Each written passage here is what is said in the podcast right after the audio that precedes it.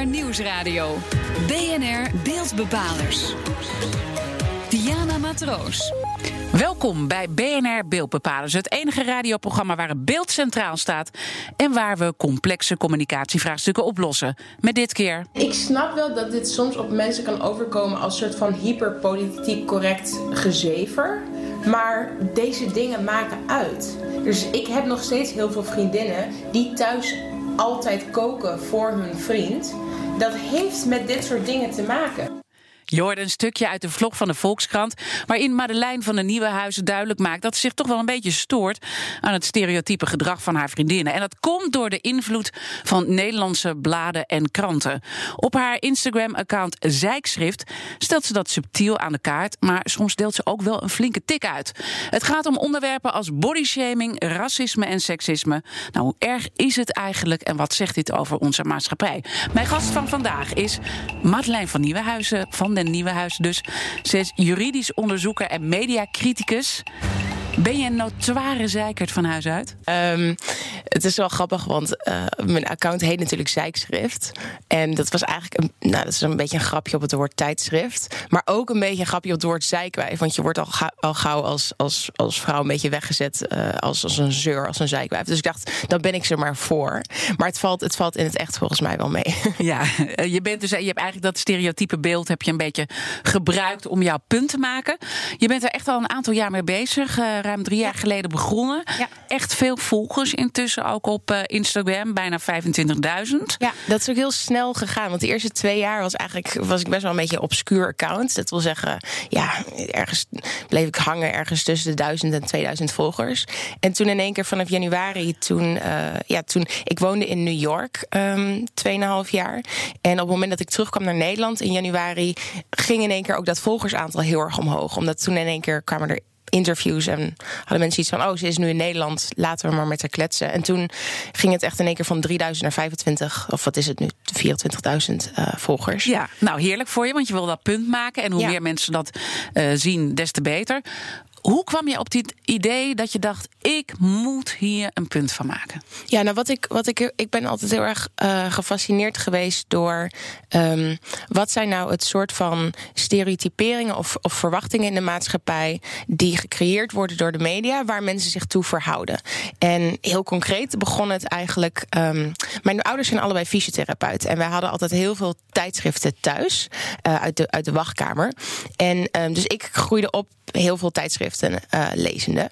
En Um, en op een gegeven moment was ik, nou, ik, ik ging studeren en ik was een paar jaar niet, niet uh, echt superveel thuis geweest. Als in wel een weekendje, maar dan ging ik niet die bladen in. Dus ik, ik was er weer een keer bij mijn ouders en het regende. En ik nam, ik ging op, ik, ik ging op een stoel zitten met een grote stapel tijdschrift op mijn schoot. En ik ging er doorheen en ik dacht echt, wow, er wordt echt nog best wel veel bullshit gewoon geschreven. Over vrouwen, die, die vrouwen stereotyperen, maar ook die mannen stereotyperen. Uh, heel wit, vaak. Bladen zoals de Margriet en de, en de vriendin, die gewoon echt notoir uh, niet divers zijn. En, en er stond één column in die ik las in een, in een vrouwenmagazine. Uh, die een uh, werkster, dat was een column, en zij omschreef haar werkster als een bejaard exemplaar uit Bulgarije met kapotte knieën. Die dacht even met één emmer sop dus gewoon de, de vloer te kunnen boenen. En ik ging. Om, je? Ja, en, en, en, ik ging googlen. Dit is nu ongeveer 2,5 jaar geleden. Ik ging googlen en ik dacht: wow, hier moet echt super backlash over zijn geweest. Want dit is zo elitair. Dit is eigenlijk zo denigerend. En er was helemaal niks over te vinden. En toen ging ik daar een beetje over nadenken: over uh, hoe worden bladen nou eigenlijk? Het begon primair namelijk als een bladenkritisch account. En nu inmiddels ook kranten. Maar hoe, hoe, uh, hoe werkt verantwoording eigenlijk bij bladen? Dus op het moment Kijk, als je bijvoorbeeld de Groene Amsterdammer hebt of je hebt de Economist, dan staan er voorin uh, ingezonden brieven van lezers die het bijvoorbeeld oneens zijn met bepaalde dingen uit artikelen.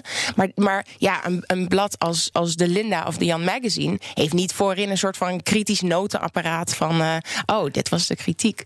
Dus ik dacht, wauw, er is eigenlijk helemaal niet een plek waarmee je, uh, waar je naartoe kunt met kritiek op bladen. Dan begin ik het zelf wel. Ja, en dat heb je dus op Instagram gedaan. En daar kan je dus ook allemaal comments uh, geven. Je ziet ook dat daar heel inhoudelijk gereageerd uh, wordt. Ja. Zou je, want je hebt net natuurlijk even die Bulgaarse schoonmaakster uh, genoemd. En daarmee denk je echt, oei. Maar als we even kijken naar bodyshaming, racisme, seksisme. Ja. Op welk punt worden nou de meeste fouten gemaakt? Um, Nou, op, op, op allerlei punten. Het is niet. Ik, ik, um, ik heb best wel een breed scala van onderwerpen wat ik aankaart. Ik denk wel dat gender over het algemeen uh, het meest terugkomt. Maar misschien ook omdat ik daar het meest op alert ben. Dus op, op seksistische stereotyperingen. Maar ik heb bijvoorbeeld ook een keer, uh, ook een keer iets, iets over uh, kritiek gegeven op, op iets wat ik een antisemitische woordkeuze vond. Dus het is, het is best wel een breed scala. Maar um, nee, maar bijvoorbeeld allerlei dingen. Bijvoorbeeld de NRC die een artikel schreef over de blokker en over de de overname van, van Blokker. En hoe, uh, hoe dat familiebedrijf werd een beetje gefilosofeerd van... Uh, oh, nou, uh, zal het overgaan op de zoon of de neef of de, um, of de broer? En ik zei, huh, waarom waar, zijn er alleen maar mannen in die familie? Waarom staat er niet ook nicht of dochter of whatever? Ja, of de zus. Ja. ja, en toen zei een van die journalisten... Um, dit was uh, denk ik een half jaar geleden of zo. Die, die, die mailde ook diezelfde dag nog en die zei: Wow, dit is echt een goed punt. Ik heb er helemaal niet bij stilgestaan, maar je hebt gelijk. Dus het zijn vaak ook uh, ja, echt in die zin blinde vlekken van mensen. En die vind ik heel erg interessant om, om aan te kaarten en te onderstrepen. Of, dus ik plaats screenshots van artikeltjes. En dan onderstreep ik soms wat erin staat. En dan in de comment section ja. uh, schrijf ik een soort van analyse daarvan. Als ik even de laatste pak die je hebt geplaatst, dan is een kop. Uh, ik weet niet welke krant dit is. AD. AD. Chinezen verdacht van grootschalige belastingfraude met restaurants. En daar vind je dan ook wat van? Ja, vier Chinezen uit Rotterdam en Schiedam worden ervan verdacht. Bla bla bla bla. Um, waarom staat daar Chinezen? Waarom staat er niet restauranteigenaars? Wat is het aan. Uh, ik zat even te kijken. Het zijn ook niet puur uh, Chinese restaurants. Een van de restaurants die ze hadden was een Japans restaurant. Dus wat, wat maakt nou dat we zeggen Chinezen verdacht van bla bla bla? Uh, waren dat mensen met een volledig Chinese nationaliteit? Waarschijnlijk waren het uh, Chinese Nederlanders. Waarom noemen we ze Chinezen op het moment dat het over misdaad gaat? Is dat hun primaire, is dat de meest relevante omschrijving die je kan bedenken in dit geval?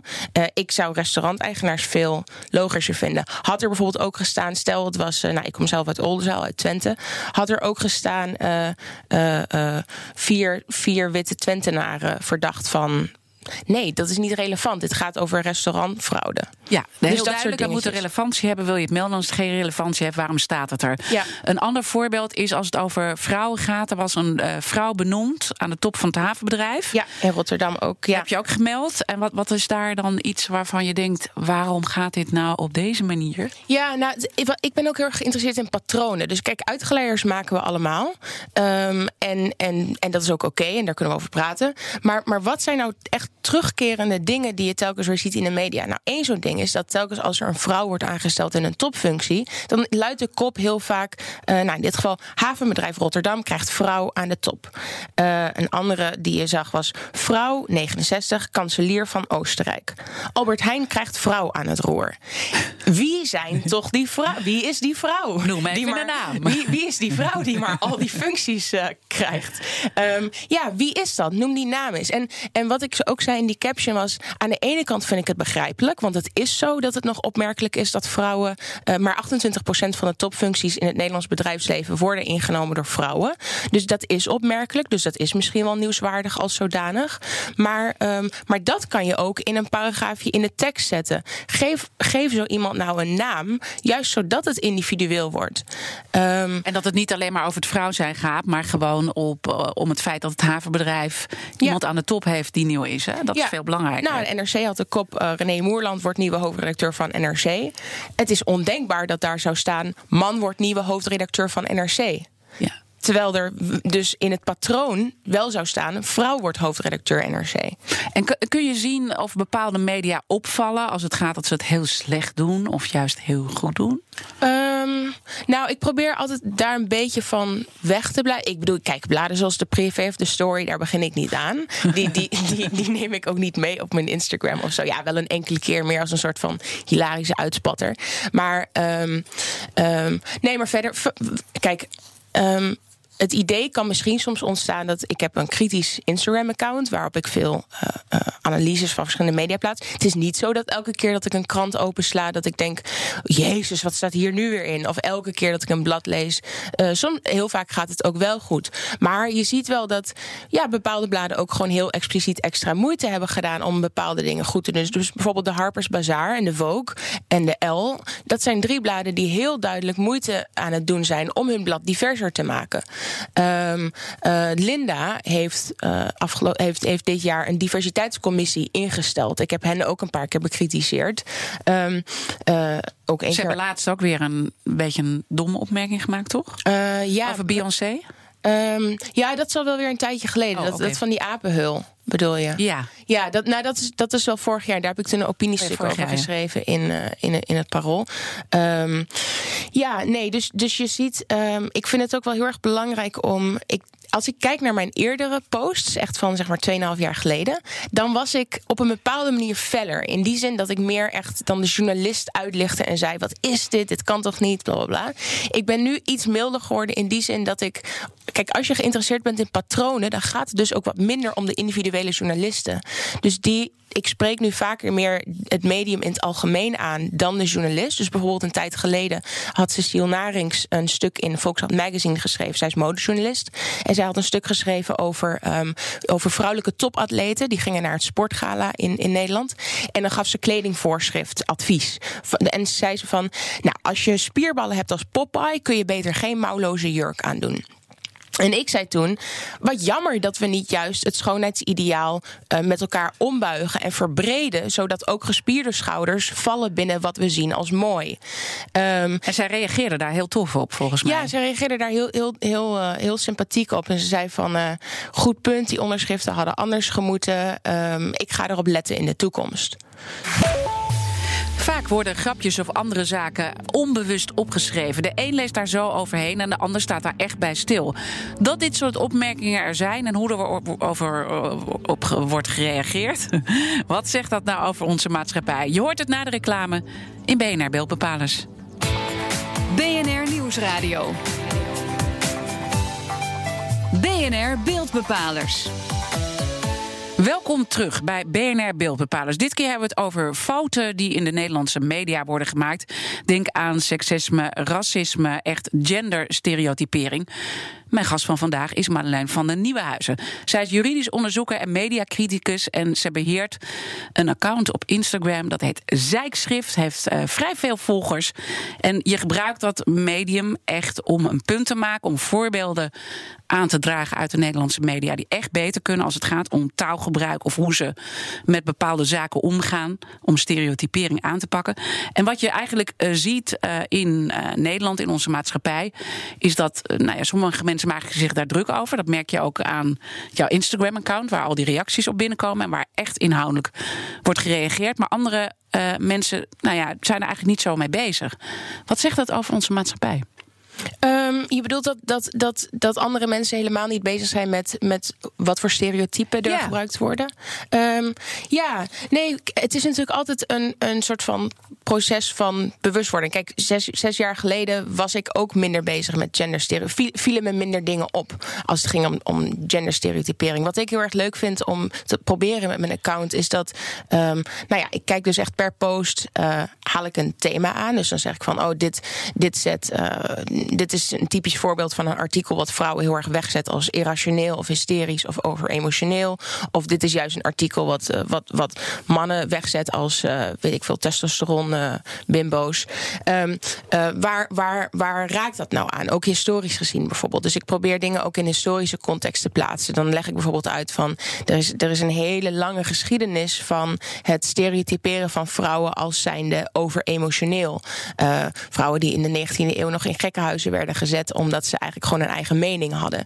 Um, dus ik, ik probeer het te ontleden en te plaatsen in een grotere context. En wat ik heel erg merk is dat mensen daardoor. Ik krijg uh, regelmatig DM's van mensen die zeggen van: Oh ja, door jouw account te volgen ben ik eigenlijk zelf ook alerter geworden op dit soort stereotypes, mm -hmm. stereotypes of vooroordelen. Maar heeft het ook iets te maken dat wij als maatschappij bekend staan als uh, progressief, tolerant. Ja. En dat we daarmee een heleboel dingen vergeten die we eigenlijk doen, die misschien helemaal niet zo tolerant zijn. Ja, wat soms natuurlijk paradoxaal is, is dat als je een. Uh, kijk, Nederland is, is, is uh, relatief echt een progressieve karttrekker in de wereld. Op het gebied van mensenrechten, op het gebied van gelijkheid, op het gebied van ja, simpelweg ook gewoon als, als, als, als democratie en verzorgingsstaat. Um, en het Nederlandse zelfbeeld is dus ook heel erg eentje van... Uh, ja, wij, wij, wij zijn dat tolerante volk... wat als eerste ter wereld het homohuwelijk heeft gelegaliseerd.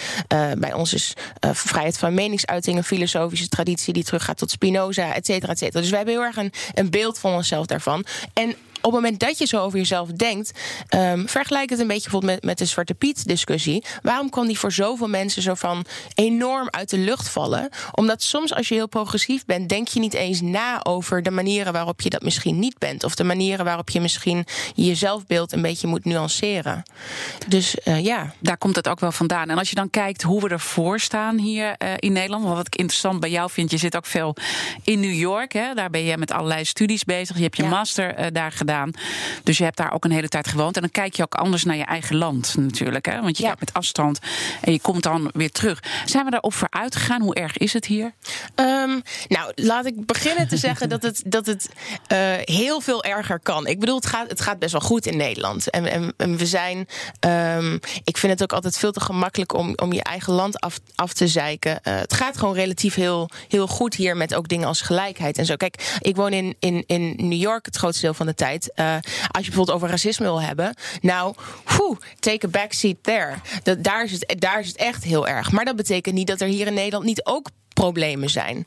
Um, dus. dus um, maar aan de andere kant zie je wel, want ik ben toevallig net uh, in New York geweest. Ja. Net een aantal dagen terug. En oh, ik vond leuk. de diversiteit daar heerlijk. New York, ja. Nee, in New York, ja. ja. dus de Amerika is natuurlijk niet New York. Maar als je even naar New York kijkt, daar leer je heel veel over diversiteit. Zeker, ja. En dat is ook wat ik er heerlijk aan vind. Maar bijvoorbeeld ook in New York. Alle doormen, alle eh, vuilnisophalers... alle mensen in de servicesector, alle stomerijen... Worden alle, dat zijn allemaal mensen van kleur. Dus zelfs in New York zie je de economische eh, hiërarchie Het ook is ook een hele harde stad. ook op die manier eh, eh, zichtbaar worden. Maar als je me vraagt van zij- in Nederland is het nou eh, gaan we vooruit of gaan we? Dat, dat is best wel moeilijk te peilen. Ik denk dat we in heel veel opzichten eh, eh, reflectiever worden, ook door, door sociale media, door dat nu gemakkelijker. Hè, wat ik wat ik aan het begin al een beetje aangaf over hoe er heel lang eigenlijk. eh, ehm, een afwezigheid was van een platform van accountability voor bladen. Twitter is, is. Ik bedoel, je kan zeggen van Twitter wat je wil. En ik zit, ik zit bewust niet op Twitter, omdat ik het te veel een platform vind van, van conclusies eh, trekken en zenden. Maar eh, het is wel een platform geweest wat, wat mensen in staat heeft gesteld om, eh, om hun mening te, te, te laten horen, die ze anders nooit te horen hadden kunnen eh, Nee, krijgen. Heel veel nou, werkwoorden. Maakt niet uit, wat je bedoelt.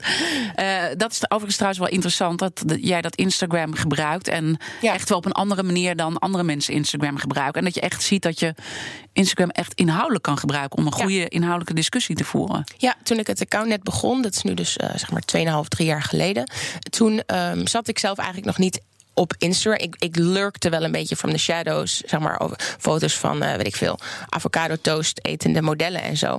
En dat is ook allemaal leuk. Maar ik dacht ook wel van, volgens mij valt dit ook voor andere dingen te gebruiken. Ik vond Facebook al een beetje, ja, dan begin je een groep. En ik wilde echt zelf aan het, aan het roer staan en het kunnen curateren van content in plaats van groepsdiscussies. Twitter vond ik niet interessant voor, voor dialoog. Dus ik kwam uit bij Instagram ook omdat het heel visueel is. Dus dan kan je foto's plaatsen van artikelen. Je kan in de captions. Ik zit inmiddels ook veel op stories waar ik meer van mijn eigen leven laat zien. Dus het is een heel interessant eh, multidimensionaal Je kan platform. daaronder kan je gewoon het gesprek aangaan. Want je ziet dat eh, nou ja. Ja. jouw volgers ook heel inhoudelijk reageren. En daar Ja, en ook heel ontstaat veel- dan een discussie. Inmiddels, eh, heel veel journalisten volgen mij ook. En daar heb ik ook gesprekken in met de DM's... die ze misschien liever niet in de publieke comment section voeren. Dus het is, het is een interessant platform in die zin. We zijn alweer aangekomen bij de conclusie. En we proberen natuurlijk alle onzin uit de Nederlandse media te krijgen. Eh, lees tijdschriften, kranten. Eh, dat is in ieder geval waar jij je op focust. Wat zouden Nederlandse media moeten doen om die onzin eruit te krijgen? Ehm, ik denk dat het heel erg. ehm,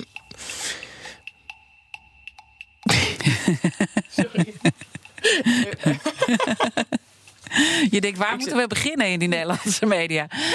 Nee, je noemde al even die diversiteitscommissie natuurlijk. Maar zijn er nog meer dingen die ze kunnen doen om te zorgen dat die onzin eruit komt? Ja, nee, ik denk dat het. Um, er zijn verschillende manieren waarop je dat soort dingen aan kon vliegen. Ik blankte even, omdat het gewoon best wel een. Het is best wel een, een, een, een complex gesprek natuurlijk. Hoe vlieg je uh, dingen aan die, die echt gebeiteld zitten in onze ideeën van uh, uh, hoe mensen handelen en wat verwachtingen zijn. Maar ik denk dat het bijvoorbeeld simpelweg kan beginnen met inderdaad diversiteitscommissies aanstellen. Of heel veel redacties zijn ook nog echt lelietje blank. Dus, dus als je het hebt over diversiteit. Um, zorg ook dat je, dat je, dat je, sollicitaat, dat je zorgt dat je sollicitatieprocedures ook diverse mensen aantrekken. Uh, als je kijkt naar bladen, er zijn nog heel veel bladen die wiens artikelen over liefde, seks en dating puur gericht zijn op, op heteroseksuele relaties. Uh, en vaak zie je dan ook dat er geen enkel LGBTQ-persoon op een redactie werkt. Dus, dus blinde vlekken ontstaan vaak ook in afwezigheid van diversiteit. Um, en, en dat, werkt, dat, dat werkt door, want dat is wat mensen vervolgens te lezen krijgen. En hoe mensen zelf hun denkbeelden, de lezers hun denkbeelden bepaald worden. Ja, wat ik een heel goed punt van je vond. Uh, ik las ergens, als je dan die Turkse, Turkse stagiair aanneemt. Um, laten we dan niet schrijven over de Ramadan per se, maar ook over andere onderwerpen. Ja, precies. Zorg ook dat je diversiteit um, niet per se draait. Kijk, je mag prima een, een Turks persoon aannemen en over de Ramadan laten schrijven. En misschien wil diegene dat wel heel graag. Dat is prima. Maar het moet net zo, net zo gemakkelijk zijn voor diegene om in het katern economie te gaan zitten. Dat is wanneer je er bent. De beeldbepaler van de week. Tijd voor de beeldbepaler van de week. We kijken altijd wie deze week het eh, beeld heeft bepaald. Redacteur Madelief van Haarlem, vertel. De beeldbepaler van de week is de pagina grote advertentie die in het AD staat. Daarin staat een gezamenlijke brief van de VA, BVA en de PMA. Dat zijn de brancheverenigingen van de Nederlandse communicatie- en mediabureaus en grote en kleine adverteerders. Christian van Betuw, hij is managing director van bureau Media Explain, schreef onze redactie een brief. En daarin haalt hij fel uit naar onder andere. Ster valt in eigen zwaard en zet publieke omroep verder in de wind. Boze brancheverenigingen en dus ook nog deze brief. Ik vroeg aan Christian wat hem zo dwars zit en wat zijn oplossing is. Wat je hier ziet is dat natuurlijk de belangen van de Nederlandse adverteerder totaal niet meegewogen zijn in dit nieuwe plan voor de publieke omroep. Uh, anders dan uh, dit plan wat er nu ligt, uh, is de oplossing veel meer om gezamenlijk in de Nederlandse markt te staan voor een pluriform mediabestel waarin adverteerders daar ook van kunnen profiteren een vuist maken tegen internationale ontwikkelingen als een Facebook en een Google. Uh, dat uh, ontbreekt geheel in dit plan, waarbij uiteindelijk de publieke omroep zichzelf daarin ook in de wind zet en uiteindelijk tot een rol in de marge uh, overgedragen wordt. De hele brief van Christian is te lezen op adformatie.nl. Dankjewel, Madelief. En natuurlijk ook dank aan mijn gast Madeleine van de Nieuwe Huizen. Zij is juridisch onderzoeker en mediacriticus. En je kunt haar volgen op het Instagram-account Zijkschrift. Dit was BNR Beeldbepalers. Dit is altijd terug te luisteren via de site, de app, iTunes of Spotify. Mijn naam is Diana Matroos. Heel graag tot volgende week.